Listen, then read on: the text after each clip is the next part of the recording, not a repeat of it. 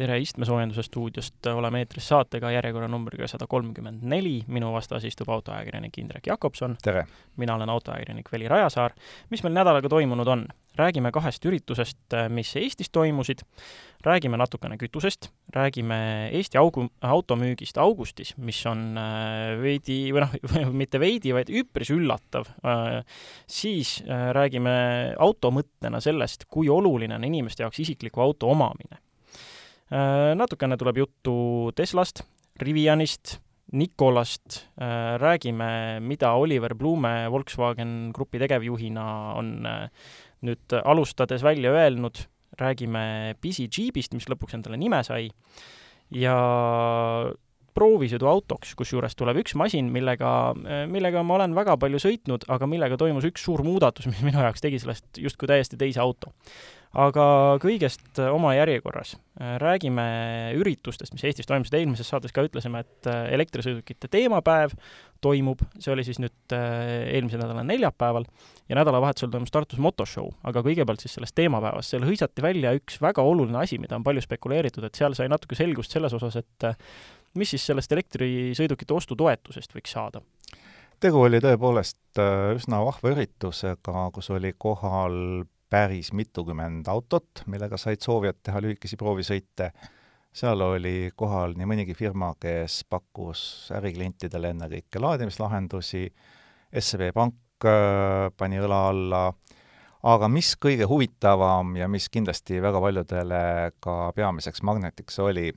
oli siis äh, Keskkonnaministeeriumi kliimaosakonna ettekanne teemal, mis saab elektrisõidukite ostutoetusest ja ma meelega ütlesin siin elektrisõidukitest. et äh, sissejuhatuse sellele tegi keskkonnaminister, kes äh, ettenägelikult väga palju sellel teemal ei peatunud, aga siis hakati asjast rääkima ja see oli tõesti põnev. et kui me eelmises saates ütlesime, et käisime, kuulasime, aga mitte midagi konkreetset ei kuulnud peale selle, et võiks tulla, kui oleks otsused, siis nüüd räägiti juba asjast hoopis konkreetsemalt numbrid, tõsi küll, ei ole veel paigas. ehk et ainsad numbrid, mida me teame, on see, et kõige selle jaoks on ette nähtud kümme miljonit eurot. see on ju väga korralik summa, arvestades, et eelmine kord oli see ainult viissada seitsekümmend tuhat, noh, ainult. arvestame nüüd, et selle toetuse sai, on ju, laias laastus sada kolmkümmend autot, viis tuhat, neli kuni viis tuhat per kärss, siis tegelikult see kümme miljonit justkui viitab, et see, see ikkagi noh, laias laastus kakskümmend korda rohkem peaaegu võiks olla neid masinaid, mis toetuse saavad, aga mida seal räägite põnevat siis? esiteks äh, ei ole see matemaatika nii lihtne äh,, vaid äh, seal on tegemist paljude muude aspektidega. kõigepealt äh, kõik see kümme miljonit ei käida kohe ühe raksuga välja vaid see on rahasumma pikemaks ajaks kui üheks nobedate näppude vooruks, mis eelmine kord paari sekundi või vabandust, minutiga hakkama sai. Et äh, seekord äh, toetatakse mitte ainult elektriautosid ja elektriautode soetamist, vaid ka palju muid asju. mis on kõige olulisemad asjad, äh, mis seal välja öeldi? ei toetata avaliku laadimisvõrgu loomist. ehk et kui me unistame sellest, et avalikke laadimispunkte, kiirlaadijaid, keskkiireid laadijaid on napivõitu ja et neid tuleks rohkem, siis selles osas arvatakse, vähemasti Keskkonnaministeeriumis, et see peaks jätkuvalt käima erainitsiatiivi peal ja neid me ei toeta. küll aga toetatakse ühistutes, elamuühistutes, korteriühistutes laadimispunktide loomist, mis on tegelikult väga tervitatav. jaa, midagigi, see on, see on jah, see palju, mida kritiseeritakse siin ja kui minna sinna igasugustesse toredatesse kommentaariumitesse, siis see on põhiline, et äh, aga kortermajad, mis siis, kui kõigil on elektriautod? no kõigil ei saa olema elektriautod, aga kortermajades on paratamatult selle infrastruktuuri loomine kõige keerulisem. avaliku laadimispunkti puhul on noh, sellest otsusega võib isegi täitsa nõus olla mis on nüüd aga sellised natukene humoorikamad äh, aspektid selle uue toetuse juures, on see, et ei toetata pistikhübriide, no sellest me rääkisime Ameerika näitel, et Ameerika Ühendriikides leiti, et pistikhübriidide toetamine on mõistlik, Eestis arvatakse, et inimene on nii laisk, ei viitsi laadida ja et sealt nagu keskkonnale positiivset efekti ei tule. Me jääme antud küsimuses jätkuvalt eriarvamusele, sest eriti kui arvestada mootorikütuste, peame silmas vedelkütuseid ennekõike, hinnatõusu, siis ilmselgelt laiskus läheb varsti üle ja hakatakse autosid laadima elektriga palju rohkem kui praegu. et eh, noh, hea küll, kui alguses ei toetata, siis vähemasti edaspidi võiks selle mõtte nagu tõsiselt pähe võtta mida toetatakse, toetatakse mitte ainult sõiduautode, vaid ka kaubikute soetamist, mis on väga mõistlik mõte, et noh, elektrilised kaubikud on ju siiamaani saanud üsna kõva kriitikat selles osas, et jah, aga linnas peaks olema, linnas peaks olema nagu okei okay., Uku on ka mitu lugu teinud ja mitu eksperimenti, et tõsisemat aja peale tööd teha nendega väga ei saa, aga linnasõit, noh, täiesti okei okay,, on ju. aga kaubik ongi ju mõeldud tõsise töö tegemise peale, mitte lõbusõidu jaoks, nii et selles mõttes seal on väljakutsed suuremad ja arusaadavalt noh, võib-olla toetus natukene soosib siis ka võimekamate kaubikute tulekut meie turule. ja kõige suurem, ütleme otse, kirss tordil on kastirataste soetamise toetamine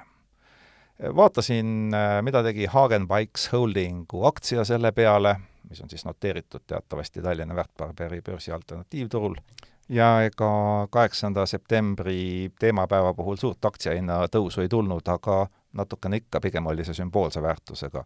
mis, kuidas, mis saab hakkama nende kastiratastega ja nende toetustega, see saab olema selle uue elektromobiilsuse või elektrisõidukite toetusmeetme ilmselt kõige põnevam koht. aga millal seda siis rakendama saab hakata ja ma saan aru, ei ole ka öeldud, kui palju see ühe sõiduki kohta siis olla võiks maksimaalselt? ainukene, mida meile öeldi, on see, et see saab olema vähem kui seni. ehk et kui praegu oli maksimaalne toetus viis tuhat eurot, millest siis maksud maha, neli tuhat jäi alles siis nüüd öeldi, öeldi, et see saab olema vähem. No vähemasti on selge siis see, et selle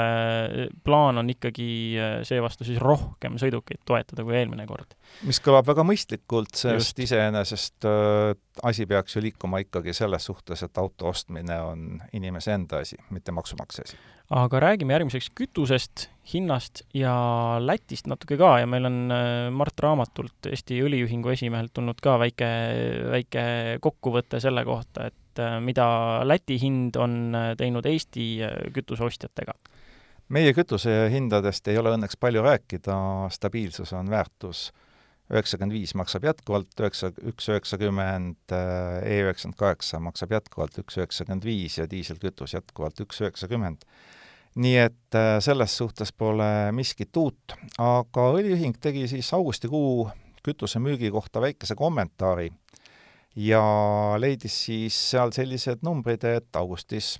müüdi siis kuuskümmend kolm miljonit liitrit diislikütust ja kakskümmend kuus miljonit liitrit mootoribensiini. arusaadavalt, diislit müüakse rohkem, sest veoautod ju tarbivad seda, ja eelmise aastaga võrreldes isegi diislikütuse müük lausa tõusis, bensiinimüük jäi sisuliselt samaks ja noh, väidetavalt Äh, on mõju ka natukene siis soodsatel hindadel, kuna augustis olid hinnad pisut madalamad kui juunis-juulis, tõsi, olid ka kõrgemal, et tegelikult suuri muutusi nagu hinnas äh, ja tarbimises siin oodata ei olnud, aga mis nagu hakkab silma ja mida on õliühing selgelt välja toonud, on see, et äh, kuna lätlased teatavasti lõpetasid mootorikütustesse biokomponendi lisamise, siis kahtlesime meie ja kaheldi ka mujale, et ehk hakkab jälle pihta kütuseturism ja õliühing väidab, et see ei ole õnneks seni realiseerunud, kuigi Eesti on üks viiest Euroopa Liidu riigist, kes veel ei ole nagu ühtegi toetusmeedet äh, kütusehindade tõusu jaoks välja käinud. ja noh, ausalt öelda, kui võrrelda nüüd nende hindadega, mis Lätiga on, et augusti keskmine bensiini hind oli seitse koma üheksa senti meil kallim, diiselkütuse hind kolm koma neli senti kallim siis meenutame eelmises saates, kui me rääkisime värsketest Läti hindadest, on see hinnavahe kärisenud juba viie, kümne, isegi rohkema sendiseks. mis tähendab seda, et äh, kui Lätist sõidad, siis ikka tasub piiri peal paak täis panna küll. no ja teine järeldus, mis siit teha, on see, et ikkagi noh, kümme ja rohkem senti liitri kohta on päris arvestatav, äh, päris arvestatav kokkuhoid et see biokomponendist loobumine tundub nagu suhteliselt mõistlik otsus siinjuures. jah, et lätlased on kahtlemata teinud mõistliku otsuse ja see on see koht, mida meie soovitaksime ka meie poliitikutel tõsiselt kaaluda, sest äh, ega keskkond sellest biokütuste lisamisest sellesse tavapärasesse mootoribensiini mitte midagi ei võida, pigem kaotab, aga maksudega mängimine ei ole praegu küll see õige koht aga järgmiseks lähme Tartumaale ja räägime seonduva uudise ja ühtlasi nädalanumbri ära. see number on kakskümmend kuus ja mida see meil tähistab? kakskümmend kuus on protsent, mille võrra on üle Eesti kasvanud aastaga bussireisijate arv. et äh, see number on täiesti üllatuslik selles võtmes, et kui meil on tehtud suuri eksperimente tasuta ühistranspordiga, siis need mõjud on jäänud ikka sellise ühekohalise protsendi piiresse ja on väga palju neid, kes on kahelnud üldse tasuta ühistranspordi mõttes. aga praegu hakkab väga selgelt tunda andma, et kütusehindade tõus on tegelikult see meede, mis on inimesed viinud isiklikust autost ühistransporti. ja kakskümmend kuus protsenti on siis üle terve Eesti, aga Tartumaa ühistranspordikeskus äh, tuvastas lausa, et neil on seal kaks korda see hulk kasvanud. jah, et Tartumaal on see olnud kuidagi nagu väga suur ja kaugemates äh, nurkades väiksem on see muutus olnud ja mida lähemal suurematele keskustele, Tartule, Tallinnale, seda suurem see muutus on olnud. eks neid kõikumisi on aasta ringi olnud loomulikult ka varem, nii et seda nagu päris väga fundamentaalseid järeldusi siit teha ei saa, aga ilmselgelt on ikka näha, et kui miski viib inimesed isiklikust autost äh, ühistranspordi kasutamiseks, siis see on kütuse hind ja mitte miski muu. aga isiklikust autost äh, rääkides, räägime augusti automüügist ka veidikene ja siin on äh, isegi noh, siin on ikkagi üpris suuri üllatusi no kui arvestada seda, et augustikuus läks Eestis kaubaks viisteist protsenti rohkem autosid kui eelmisel aastal, vaatamata kõikidele kriisidele, siis no mida see näitab? see näitab meile ainult ühte asja, et ühe kuu numbrid ei näita mitte midagi. et äh, Eesti turg on selles suhtes äärmiselt kõikuv ja need muutused sõltuvad ennekõike sellest, millised on äh, tarneajad, milline on saadavus, millised partiid parasjagu tulevad. aga mis on küll nagu veidikene kõnekas number, kui me vaatame eh, esmaregistreerimisi ja sealhulgas siis uute või vanemate, noh, pruugitud autode registreerimist, siis äh, stabiilne muutus on küll sõltuvuses nüüd majandusolukorraga, et äh, aastatel kaks tuhat kaheksateist ja kaks tuhat üheksateist olid esimesed, kui Eestis uusi autosid võeti arvele rohkem kui pruugitud autosid, viiskümmend neli protsenti. ja nüüd on tegelikult see number kogu aeg langenud ja praegu kisub ta juba tänavu augustis sellise kolmandiku kanti, ehk et pruugitud autod on järjest populaarsemad, noh, põhjusi ei ole raske leida, ühest küljest on nad soodsamad ja teisest küljest on nende saadavus ikkagi hoopis teine kui uute autode saadavus ja nüüd, kui vaadata markide lõiget, siis äh, muidu meil on kogu aeg ees olnud äh, Toyota ja RAV4, aga äh, huvitaval kombel on nüüd siia etteotsa kõige müüdumaks mudeliks tulnud Škoda Octavia, mis sai augustis sada mudelit täpselt täis või sada eksemplari. ja tema järel siis Toyota RAV4 seitsmekümne nelja masinaga ja Toyota Yaris Cross viiekümne kaheksaga. kusjuures Yaris Crossile otsa vaadates ma isegi, mulle meenub, et kas vist oli meie ühe, sinu kirjutatud loo pealkiri isegi, et eh, oodata on müü-, müügiedu või müügimenukit või midagi sarnast. Äh, seda ma täpselt kahjuks ei mäleta, aga seda saavad kõik Accelerista lugejad äh, guugeldades kiiresti järgi uurida. aga võib-olla olulisem on hoopis see, et äh, sõltumata sellest, et RAV4 hetkel ei ole esimene ühe kuu lõikes, nagu me juba ütlesime, üks kuu ei näita midagi,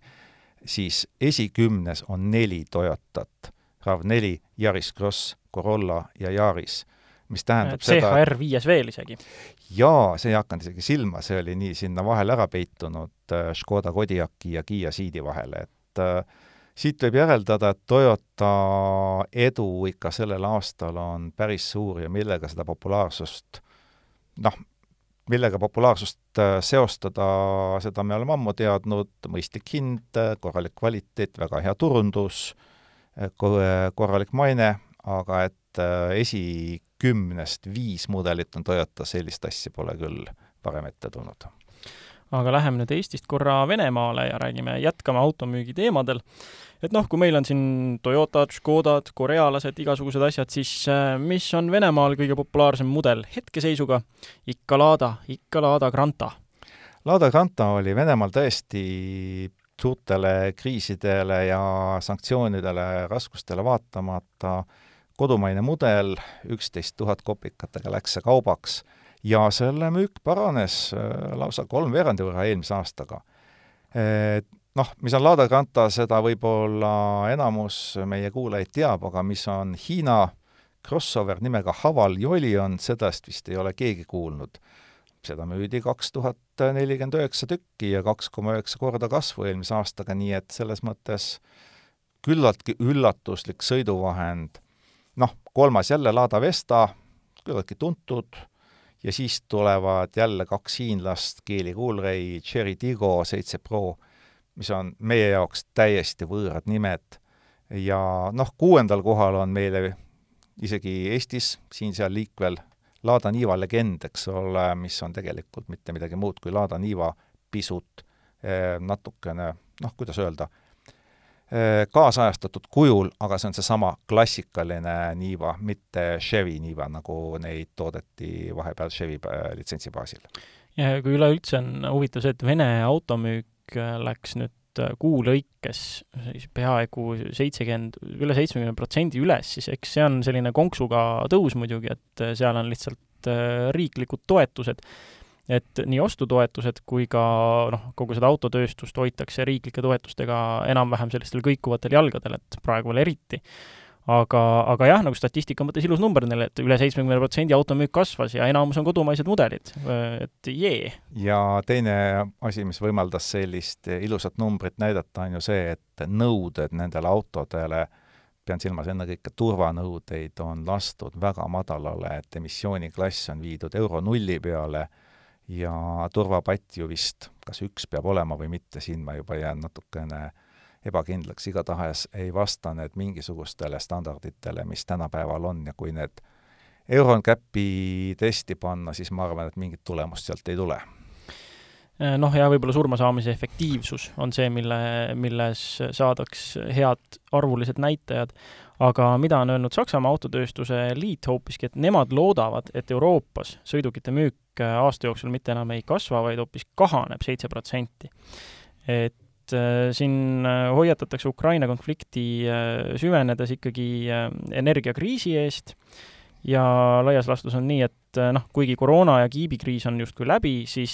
tulekul on uus ja see on energiakriis. ja see avaldab oma mõju igal pool ja see avaldab vaieldamatult oma mõju ka automüügis, nii et sakslaste hoiatust tasub täitsa tõsiselt võtta ja ma arvan, et sõltumata sellest, millised kõikumised meie autoturul siin suvekuudel on olnud, siis pikas perspektiivis see nina on ikka otsaga allapoole. no aga siit äh, ongi paslik minna nädala auto mõtte juurde, milleks on üleüldse siis see isikliku auto omamise mõte. et äh, noh, eks auto staatuse sümbolina on olnud äh, eriti mingil põhjusel meil nagu väga oluline, tundub, et, et kui vaadata kortermajade ette, siis ikkagi nui neljaks veri ninast väljas on vaja mingisugune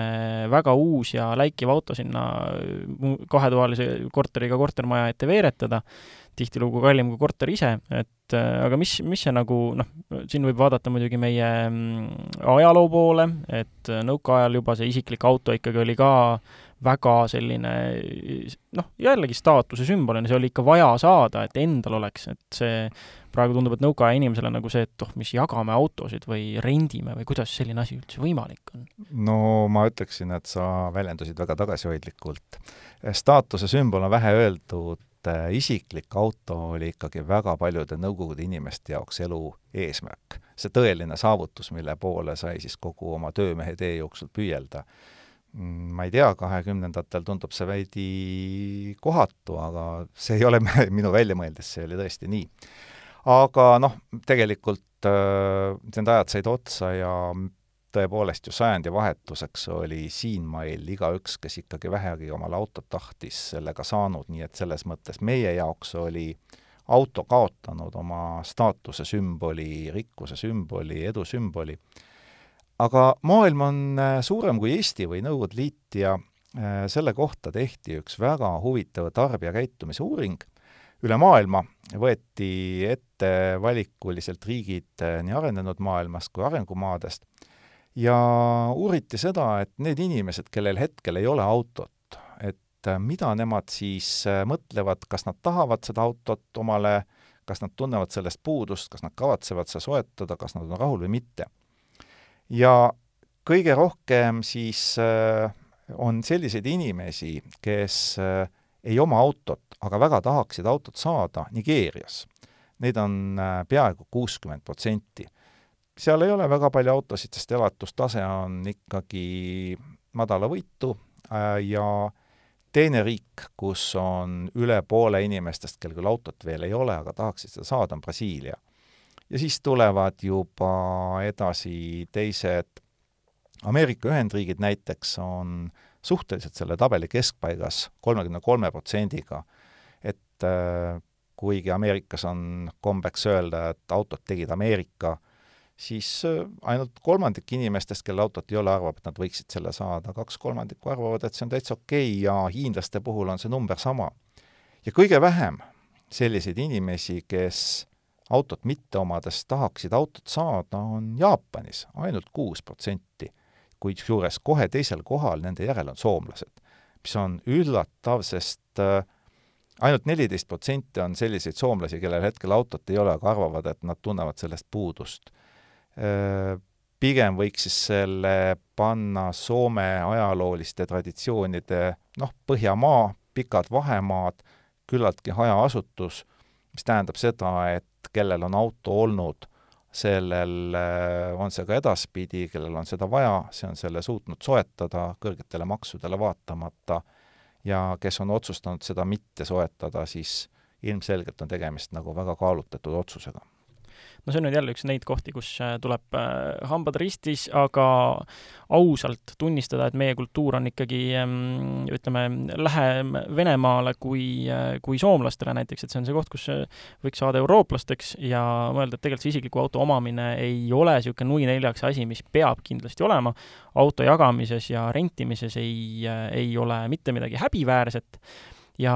mida rohkem inimesed selle mõttemalli omaks võtavad, seda rohkem meiesugused siin Indrekuga saavad oma mitme hobiautoga ringi künada. et äh, jah, mõelgem, mõelgem äh, niimoodi edasipüüdlikult. aga läheme siit edasi Volkswageni grupi juurde, Volkswageni kontsern, äh, nende uus tegevjuht Oliver Blume on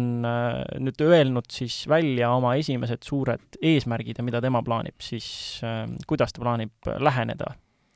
oma suurest viiest eesmärgist või täpsemini siis tema eesseisvatest väljakutsetest me juba rääkisime ja need on päris ambitsioonikad.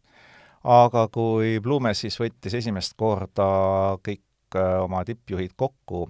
siis ta ütles äh, esimese väga olulise statement'ina välja, et ta ei kavatse hüljata eelkäija poolt kavandatud elektrisõidukite strateegiat kui palju need sõnad ja teod nüüd kokku hakkavad käima, seda on raske hinnata, sest eks oli see ju üks nendest põhjustest, miks Tiis pidi vaikselt lahkuma oma suurepärasest positsioonist. aga Blume ütles äh, välja ka teise olulise statement'i, et äh, tema puhul, tema juhtimisstiilil on põhirõhk execution'il, täitmisel, mitte visioonil ehk et kui Tiisso oli väga paljuski suur visionäär ja väga selliste tulevikku suunatud ambitsioonidega mees, siis äh, Blume räägib meeskonnatööst, süstemaatilisest, läbipaistvast, vastutustundlikust elluviimisest, ehk et selline, kuidas nüüd öelda, pigem täitja, elluviija kui visionäär, mis tähendab omakorda ilmselt seda, et äh, Blume puhul jäetakse need suured strateegilised eesmärgid tõenäoliselt nõukogu kanda ühesõnaga, kõik läheb äh, siin äh, mõjuvõimsate perekondade äranägemise järgi jälle, et ei toimu mingit äh, Herdiessi sõnade järgi, mis oli, roostetava kaubalaeva see, see kaptenisilla renoveerimist täielikult koos nende inimestega, kes seal on. Et neil on selles mõttes jalgealune vast jälle kindlam natukene. aga kui Volkswagen on räägitud, siis räägime Rivianist ka, neilt on ka suur uudis no see on nüüd küll nädala börsiuudis ja selle uudise mõjul Riviani aktsiahüpp pani ka ühel päeval üle kümne protsendi üles. Uudis on ikkagi üsna tõsine. Rivian Automotive ja Mercedes teatasid, et nad kavatsevad luua ühisettevõtte, et siis hakata ehitama Euroopas mõlema kaubamärgi alt elektrikaubikuid. Ja tootmine hakkab siis olema kulude vähendamisel eeldatavalt ühistel liinidel ja hakkama mõne aasta pärast. mida me sellest teame? see on äh, väga tõsine uudis selles mõttes, et esiteks äh, see on äh, ilmselgelt see koht, kus Rivian saab Euroopas jala maha. Rivian on teatavasti oma strateegilistes plaanides toonud välja kaks asja, üks on siis teise autotehase tegemine, äh, mis saab siis eeldatavasti tulema Georgia osariiki, ja teisena on ta rääkinud, et tahab hakata tootma autosid ka Euroopas, millest me just hiljuti kurtsime, et pole nagu miskit kuulda, aga nüüd siis on selge, et ilmselt ei hakata seda üksi tegema mida me veel teame? me teame seda, et äh, see uudis, millest me räägime, on alla kirjutatud äh, ühiste kavatsuste protokoll, memorandum of understanding.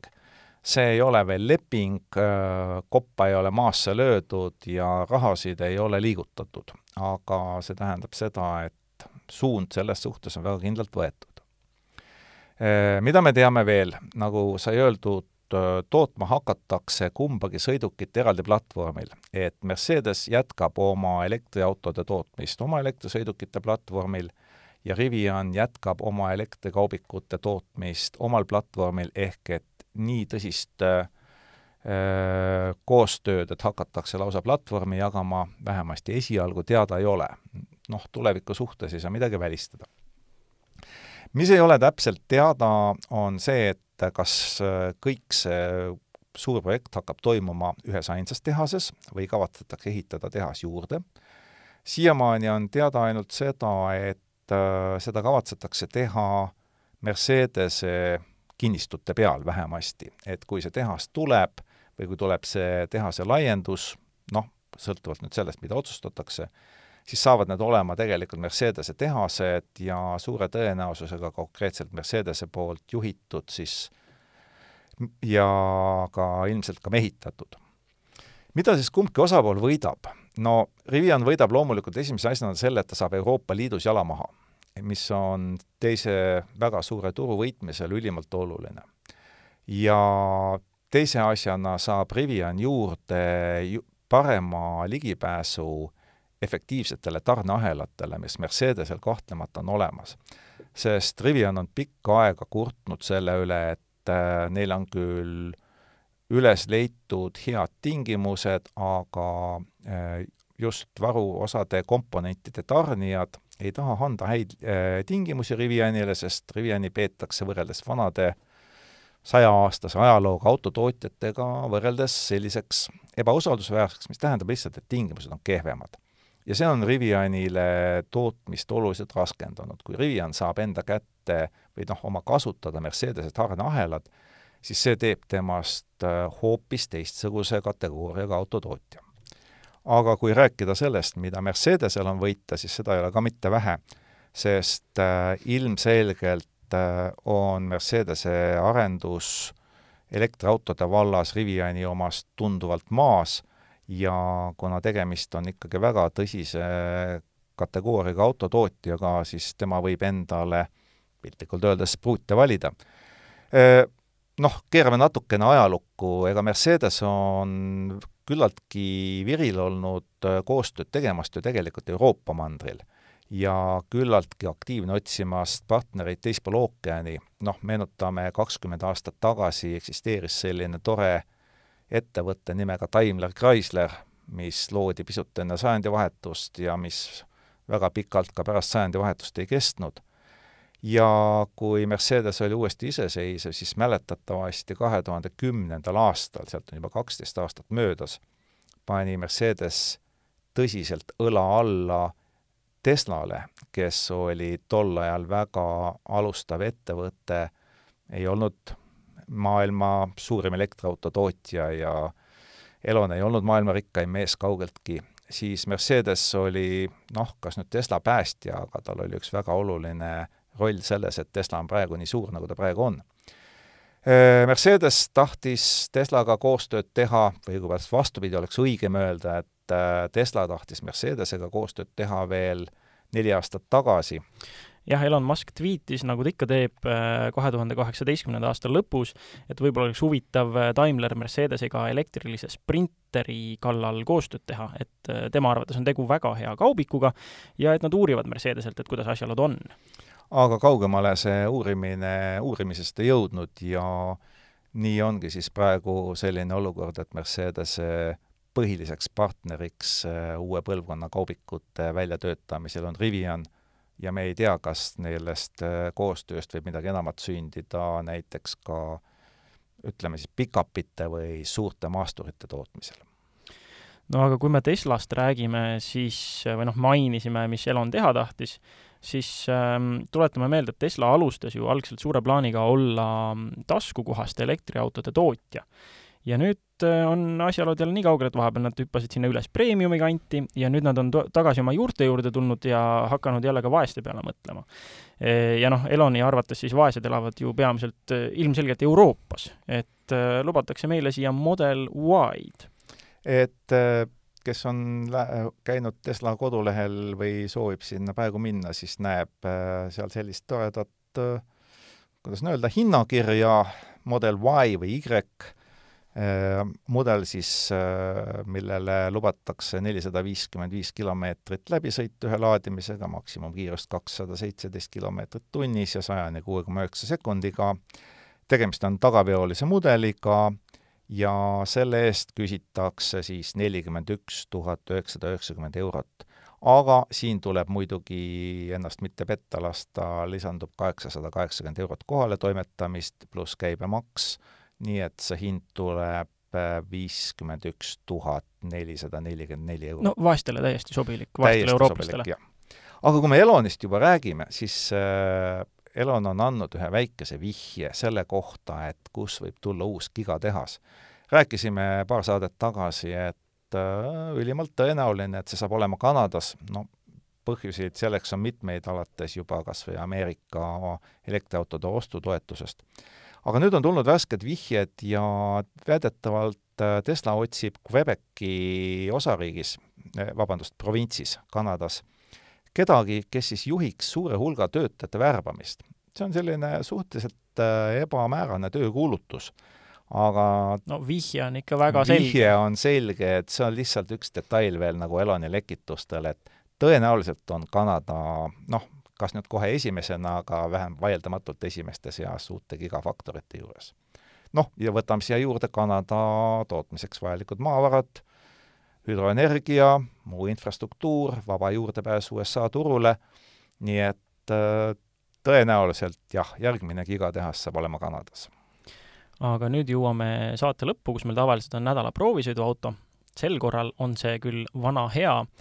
aga ühe suure muudatusega ja kes veel vihjet katki ei hammustanud, siis äh, tegu on minu Toyota MR2 Spideriga, mida ma olen siin järjepanu juba kolm võistlushooaega ehitanud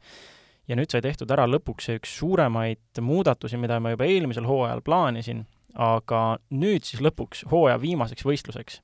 Äh, kõik tähed ja planeedid joondusid ja jõudis kohale massiivne antitiib, mille ma jõudsin ka autole enne viimast võistlust külge aretada no ma alustaks kõigepealt küsimusest, et äh, antitiib või spoiler, et mis neil, mis need on ja mis neil vahet on? just hästi palju kasutatakse kusjuures äh, spoilerit ja antitiiba või tiiba niimoodi sama asja, samale asjale mõeldes. aga reaalsuses on jah, tegelikult neil on vahe, äh, väike trivia teadmine, et antitiib, nagu nimigi viitab, on nagu tiib, nagu lennukitiib, aga anti ehk siis teistpidise eesmärgiga ümber pööratud ja tema eesmärk on siis teha seda, et äh, kiirendada tiiva alt läbi liikuvat õhku, tekitada sinna madal rõhk, äh, aeglustada tiiva üleval liikuvat õhku, tekitada sinna kõrge rõhk ja tulemuseks siis see, et see tiib ja jällegi vastupidiselt äh, laialt levinud valearusaamale, et tiib surub autot vastu maad, tegelikult on äh, tõmbeefekt suurem, et tiib tõmbab siis, imeb auto maa külge. see on siis antitiiva mõte, aga spoiler ei ole midagi muud kui tegelikult ähm, siis äh, seadeldis, mis tekitab juurde õhutakistust. Ja see on siis see, mis, äh, mis surub maha, et noh, ongi spoiler on siis, kujutame ette näiteks nagu niisuguse noh, hästi levinud on pardisaba spoilerid, ongi selline püstine jupp auto tagaosas ja seal ongi see, et ta tekitab väga tugeva õhutakistuse ja see on siis see, mis surub rohkem autot vastu maad. ja kui nüüd veel tuua juurde kolmas termin, milleks on difuusor, mis on nagu ägedamatel autodel, mis loom see on? Äh, õhuhajuti ehk diffuusor siis on tavaliselt see, mis on auto sabaosas äh, allpool ja tegelikult ei tee ka mitte midagi muud, kui ta mõjub auto põhja pikendusena, mis äh, kaardub lõpus siis ülevale poole ja hajutab õhku. et see difuusor üldiselt saab head tööd teha terve paketina, kui auto ninaosas on splitter, mis eraldab väga selgelt üle, üle auto ja auto alla liikuva õhu, kiirendab auto all liikuvat õhku nüüd, kui sul on veel omakorda külgedel küljekarbi laiendused, mis maani äh, või enam-vähem maani ulatuvad, siis nad ei lase sellel kiirendatud õhul auto alt põgeneda, see kasvatab veel seda efekti ja siis, kui sul seal lõpus on veel õhuhajuti, siis sul on tulemuseks selline efektiivne põhi, mis võib tihti tekitada rohkem negatiivset tõstejõudu kui mis tahes äh, suur antitiibauto tagaosas. aga see selleks, sellist tervikpaketti mul ei ole, mul on hästi lihtne, mul on ees väike splitter, noh, väike, okei okay,, ees on splitter, taga on nüüd see suur antitiib, ja lõpuks ma sain siis võtta ja proovida, mida selline aeroga sõitmine tähendab. millest kõik alguse sai? mõtlesin, noh, see tiiva mõte oli mul juba pikalt, aga ma mõtlesin nüüd lõpuks ikkagi välja, et ma tahan esimese korraga kohe nii palju kui võimalik asja õigesti teha. see tähendab seda, et ma säästsin, olin piltlikult öeldes nuudlidieedil ja otsustasin, et ma ostan endale sellise tiiva, mis on äh, Ameerika maal juba tried and tested, töötab ja just siis selles kontekstis, et tal on vähe õhutakistust ja ikkagi palju surujõudu. et ta töötaks äh, kergel ja väikse võimsusega autol. et vä-, väga paljud sellised äh, old school rinkamehed ütlesid mulle, et mis sa sellest tiivast topid sul sellele autole, et see, sellel ei ole mingit mõju, sa kaotad äh, tippkiirusest palju rohkem, kui sa kurvides võidad ja nii edasi ja nii tagasi ja siis ma mõtlesingi, et okei okay,, ma võtan, teen nii hea lahenduse kui võimalik, lasin sõbral inseneril isegi teha niinimetatud luigekaela kinnituse. see tähendab siis seda, et äh, tiib ei kinnitu auto külge mitte äh, niimoodi, et allpool on jalad, vaid jalad tulevad kaarega ja kinnituvad tiiva pealmisele osale. sellel on jälle üks väga hea põhjus, äh, tiiva alumine pind on palju olulisem kui tiiva ülemine pind, seda on juba tuvastatud. ja teine asi on siis see, et kui me mõtleme sellele, et kui su auto läheb kurvi, mis juhtub tiiva alumise pinnaga, kui seal kinnituvad jalad, ja noh, see on sama efekt nagu see, et kujuta ette, et äh, sul on äh, see tiib, selle all on kaks jalga ja sa nüüd näitad nurga alt talle külje pealt mingit valgust. kuhu tekivad varjud? sul on mingite nurkade all, mingites kurvides selline, see sama asi juhtub õhuga, et sul tekib lihtsalt väga suur nii-öelda pime ala sinna tiiva alumisele pinnale, mis tegelikult ei saa seda õhku enam ja ta ei saa efektiivselt töötada. lahendus on see, et sa paned see, selle kinnituse sinna ülespoole aga nüüd on nagu, kui kõik need asjad kokku võtta, siis mul jääb tegelikult üksainus küsimus ja see puudutab antitiiva töötamist tervikuna, et eh, eriti autode puhul, millel on vähe võimsust, nagu sinu MR2 puhul, kui seal oleks tuhat hobust kapoti all, siis ma seda küsimust ei küsiks.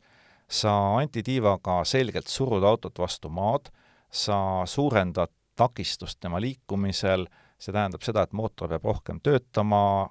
kõik need asjad takistavad kiiremat äh, sõitu, kas see Audi tiib tasub siis sellisel juhul ennast ära, võib-olla sa parandad natukene pidamist, aga samal ajal sa pood mootori kinni, noh, selles kaudses mõttes auto kinni. ühesõnaga, sul on kõik needsamad eelarvamused, mis nendel old school ringkamastel jaa, täpselt. Äh, ütlen siis taustaks, minu autol viimane dünoskäik tuvastas, et ei ole isegi mitte enam sada seitsekümmend viis hobust rattasse, vaid umbes sada kuuskümmend viis hobust rattasse. see kasvatas mu mure ka nagu selles osas natuke veelgi, sest ega ma lõpuni ei teadnudki, kui hästi see asi töötab. aga jälle kord tuleb appi inseneeria, äh, see, et see tiivanurk sai niimoodi seadistatavaks, et äh, mul on võimalik testsõitudel kähku vaadata, mis on kiirused, mis on kurvikiirused, mis on ringiajad loomulikult, ja siis seda kas agressiivsemaks või leebemaks keerata aga nüüd ma ütlen juba ette ära, et seda tulemust, mis sealt tuli, ma ei oodanud ei mina, äh, veel vähem need old school rinkamehed, ma arvasin, et vahe on võib-olla mingi sekund, maksimaalselt poolteist sekundit siis äh, ringiaja kasuks. aga mis juhtus, kui ma läksin hommikul esimesel harjutustiirul peale? Äh, midagi sättimata rehvides, kõrge rõhk, tiib oli suhteliselt agressiivse nurga all, ehk siis tippkiirust rööviv, ma läksin peale ja juba umbes sekund parem tulemus, ilma isegi eriti surumata. mõtlesin, okei okay,, väga huvitav, no ju see on ka rehvid ja nii edasi, vaatasin rehvi temper-, äh, rehvi tempid üle, lasin rehvi rõhkusid natuke alla, panin tiiva veel leebemaks, läksin, sõitsin uuesti, veel sekund alla. mõtlesin, okei okay,, no see peab olema ikkagi see, et need rehvid ka, et nad, ju nad siis ikkagi on natuke paremad. ja võistlusel äh, esimene sessioon ma sõitsin oma parima aja äh, rohkem kui kahe sekundiga üle ja järgmine sessioon kokku kahe koma kolme sekundiga üle. ja noh, ma nüüd äh, tuletaks uuesti meelde, mis ma ütlesin, kui ma käisin hooaja esimesel võistlusel Audrus, äh, tegin sellest video, mis oli video lõppjäreldus. Äh, umbes täpselt parafraseerides, et sellise nii väikse võimsusega autoga Audrus tänavarehviga poodiumile asja enam ei ole. see oli see, mis ma ütlesin. nüüd nende esimese kahe sessiooniga olin ma oma piiranguteta selles Unlimited klassis esimene ja seda tegelikult veel tänavarehviga, aga tehniliselt siis ka kehvema seal, kehvema rehviga kui see tänavarehv, mis mul enne oli. ja kuivõrd ma olin esimese positsiooni kindlustanud, ma mõtlesin, no ma pean ikkagi teaduse nimel tegema siis seda, et ma võtan tiiva küljest ja ma lähen proovin selle viimase sessiooni. Äh, teised ka julgustasid mind, jaa, võta küljest, nüüd lähed sõidad üldse, tead, kurat, selle üks kakskümmend seitse asemel lähed sõidad üks kahekümne kuue ja siis jäta see tiib, kus kurat. võtsin, sõitsin, surusin nii, kuidas julgesin. igal pool julgelt munadega peale, kui libises natuke tagasi, on ju, noh, nagu ikka, otsisin kogu aeg pidamist, ma tegin mõlemast korrast ka videod, need videod kindlasti ma teen mingi hetk hakkas Acceleриstasse kokku võtma oma loo, kuhu ma need videod täies pikkuses panen, kus saab vaadata käte tööd, kuulata, mida ma gaasiga teen. põhimõtteliselt ilma tiivata sõites kogu aeg otsisin nii gaasi kui rooliga pidamist ja suhteliselt selline noh, no ikkagi väga niisugune rapsiv oli see ringiaja sõitmine ja ma mõtlesin ka sõidu ajal ka, ma ise ei jälginud aega ega midagi sõidu ajal, vaid keskendusin sõidule, mõtlesin, et no võib-olla olen sekund aeglasem, võib-olla poolteist, aga noh, siia-sinna natukene saab nagu aeglasemalt minna ikkagi, aga no siin ei saa palju vahet olla. ja ma läksin, ma olin üle üks kolmekümne. väga stabiilselt, kõik kusagil niisugune üks kolmkümmend ja pool. ja päriselt ma surusin ja surusin. ja nüüd kokkuvõtteks kõik need efektid, mis tulid, noh, oligi sel päeval siis sel võistlusel kolm sekundit vahet tiiva ja tiivata. tiiva ka ja tiivata pluss siis veel see, et väga palju rahulikum ja kindlam oli tiivaga sõita. mis need põhilised vahed on, miks see, miks see ajavahe sealt selline tuli, mis ma vähemasti arvan, et see on? Esiteks ma arvasin, et rehvides peab olema suur vahe. Esimene kord tiivaga peale minnes ma tundsin, noh, kogu see pakett, see, kuidas see töötas, ma mõtlesin, issand, need rehvid on ka nii head. Võtsin tiiva ära ja sellest äh, Nankang AR1-st, mis ma nüüd endale alla panin, sai täiesti tavaline suvaline semislik. täiesti niisugune meh lihtsalt kui lähed natuke kiiresti, no ühesõnaga kannatab driftida isegi selle väikse jõuga äh, ja no ikkagi lappama peab päris palju. aga sel ajal, kui tiib küljes oli, oli no puhas maagia, on ju, tundus, et see rehv on ülihea mm,. teine asi, kui ma tiiva ära võtsin, tulid tagasi mu mured selle Torsen diferentsiaaliga. et ma olin juba enne pikalt kurtnud, et kohe, kui ma olen pannud suurema pidamisega rehvid, see Torsen diferentsiaal hakkab äh, teatud teravamates kurvides läbi vajuma see on nii jälle, et kui ma lähen kurvi, noh, mis keskmootoriga auto eelis tihti on, on see, et sa saad juba enne Apexit gaasi põhja litsuda ja väljakiirendus on ulmeline. aga mina selle torseni tõttu olen välja kiirendades pidevalt pidanud gaasiga mängima, otsima, otsima, olema seal torseni libisemise piiri peal ja ikkagi tavaliselt alles pärast Apexit, kui auto on rahunenud ja stabiilne, siis ma saan gaasi lõpuni põhja vajutada. mis nüüd selle tiivaga juhtus äh, ja mis oli jällegi see on, ütleme, see on, see ei ole siin nagu lõplik tõde, see on ikkagi reservatsiooniga, see on minu autol, nende rehvidega, sellel rajal, aga mul ei olnud neid torseni probleeme, välja arvatud stardisirge lõpus olevas nõelasilma kurvis, ma paar korda tundsin, et torsen libiseb läbi, mujal null probleemi selle läbi libisemisega. ma saingi sõita selle autoga nii, nagu keskmootoriga autoga sõitma peab. enne Apexit gaas põhjas ja hoia kinni. ja sellega ma jõudsin situatsiooni, kus äh, ma mitmes kurvis olin äh, juba piirikus, äh, enne kui ma ei olnud kunagi varem olnud näiteks karussellist välja tulles, kolmas piirikus, ma pean keset kurvi neljandasse vahetama, mul ei olnud kunagi varem seda varem olnud. ja teine asi, mis ma tuvastasin, jällegi see, see asi, sa ütled, et on ju tippkiirust röövib. Äh, jah, teoorias sirgelt sõites ta röövib tippkiirust, aga mida ma pärast oma telefoni logisid vaadates tuvastasin, tiivaga sõites oli mu tippkiirus ringi kohta kuus kilomeetrit tunnis suurem ja see on just täpselt sellepärast, et iga kurvist väljumine oli nii palju kiirem ja parem. see, et ma sain enne Apexit juba gaasi põhja litsuda ja ilma mingisuguse probleemita selle kiiruse kanda ka sirgetele, viiski selle väga ebatavalise olukorrani, et tiiva ka on mul suuremad tippkiirused. jah, tõsi, kui ma lähen kusagile mingile ühe miili võistlusele, siis ilmselgelt seda tippkiirust ei ole, aga just see, et kurvist välja kiirendades raja peal ma saan tiivaga parema tippkiiruse ja lõppkokkuvõttes äh, veel äh, noh, need oldschool rinkamehed, kes vaatasid seda tulemust, et kolm sekundit on vahet, tulid, ütlesid mulle, et noh, see peab olema psühholoogiline, sa ikka hoiad tagasi ja nii, noh, isegi kui see nii oleks, isegi kui ma ei sõidakski teda tühjaks ja noh, mis iganes, hoiaksingi tagasi, aga mida see lõppkokkuvõttes nagu tähendab, kui mul on valida, kas ma nüüd, mis ma siis teen, võtan tiiva maha ja lähen ja hakkan nühkima ja sõitma ja veel rohkem keskenduma sellele, või ma kruvin selle külge ja sõidan kolm sekki kiiremini? Ilmselgelt ma valin selle teise variandi, sest tundub, et see sobib minu sõidustiilile paremini. Ja nüüd lõpuks ma tunnen, et see auto on minu jaoks ideaalses setup'is. Ja ainuke kaht-, äh, nagu kurb äh, tunne seoses sellega ongi see, et, et ma varem seda nuudlidieeti ei teinud, seda tiiba juba hooaja alguseks kohale ei toonud, sest et siis oleksin ma tõenäoliselt oma klassis võitnud, hoolimata sellest, et mul olid tänavarehvid ja siis oleks äh, meie meeskond võitnud, praegu me jääme kolme punktiga meeskonna arvestuses teiseks. et noh, nüüd siis selline äraspidine äh, kahetsus, ütleme siis, et seda juba varem tehtud ei saanud, sest et äh, näed, ma, ma tunnistan siin selle kõige lõpuks, selle pika monoloogi lõpuks, et ma eksisin selles osas, mis ma hooaja alguses ütlesin, et ei ole poodiumil asja. on küll, ei ole jõudu vaja, isegi Audrus, mis on võimsuse rada, võib sellise väikse autoga tulla, sõita üks kakskümmend seitse, ja ma tõesti, ma ei oleks sellist vahet oodanud, aga, aga see vahe on ja see auto ärkas minu jaoks nagu veel rohkem nüüd ellu. et kellel iganes vähegi võimalust on, proovige Aeroga sõita ja see on, see on täiesti teine tunne. aga tänavuse aastaga ei lõpe ju ometi kõik võistlussarjad ära siin Eestimaal? Absoluutselt, ma kavatsen veel äh, tiivaga minna ja rünnata kardiradasid, see oli jälle see asi, mida kõik mulle ütlesid ja millega ma väga nõus olin, et äh, see tiib kardiradadel ei tee midagi, nüüd olles tundnud, kui palju ta audrust teeb, tead, ma hakkasin kahtlema, ma arvan, et ta võib ka kardiradadel töötada, kui ma keeran selle nurga ikkagi kurjemaks ja lähen ründan kardiradasid, no kuramus, mul on juba eelmisest hooajast eesmärk olnud Tabasalus nelikümmend üks sekundit ära sõita. see hooaeg ma tegin nelikümmend kaks koma kolm ja nüüd ma arvan, et kui ma veel lähen ja teen ühe viimase septembri sessiooni Tabasalus, ma loodan selle neljakümne ühega koju tuua ja kõik oma senised eesmärgid ikkagi kirja saada selle hooajaga. väga hea. aga see oli meie pikaks veninud lõpuga saade, ma loodan, et äh, kellelgi vähemasti oli huvitav kuulata ja et keegi vähemasti tuleb meid ka järgmine saade kuulama, aitäh, et siiamaani kuulasite! Kuulmiseni!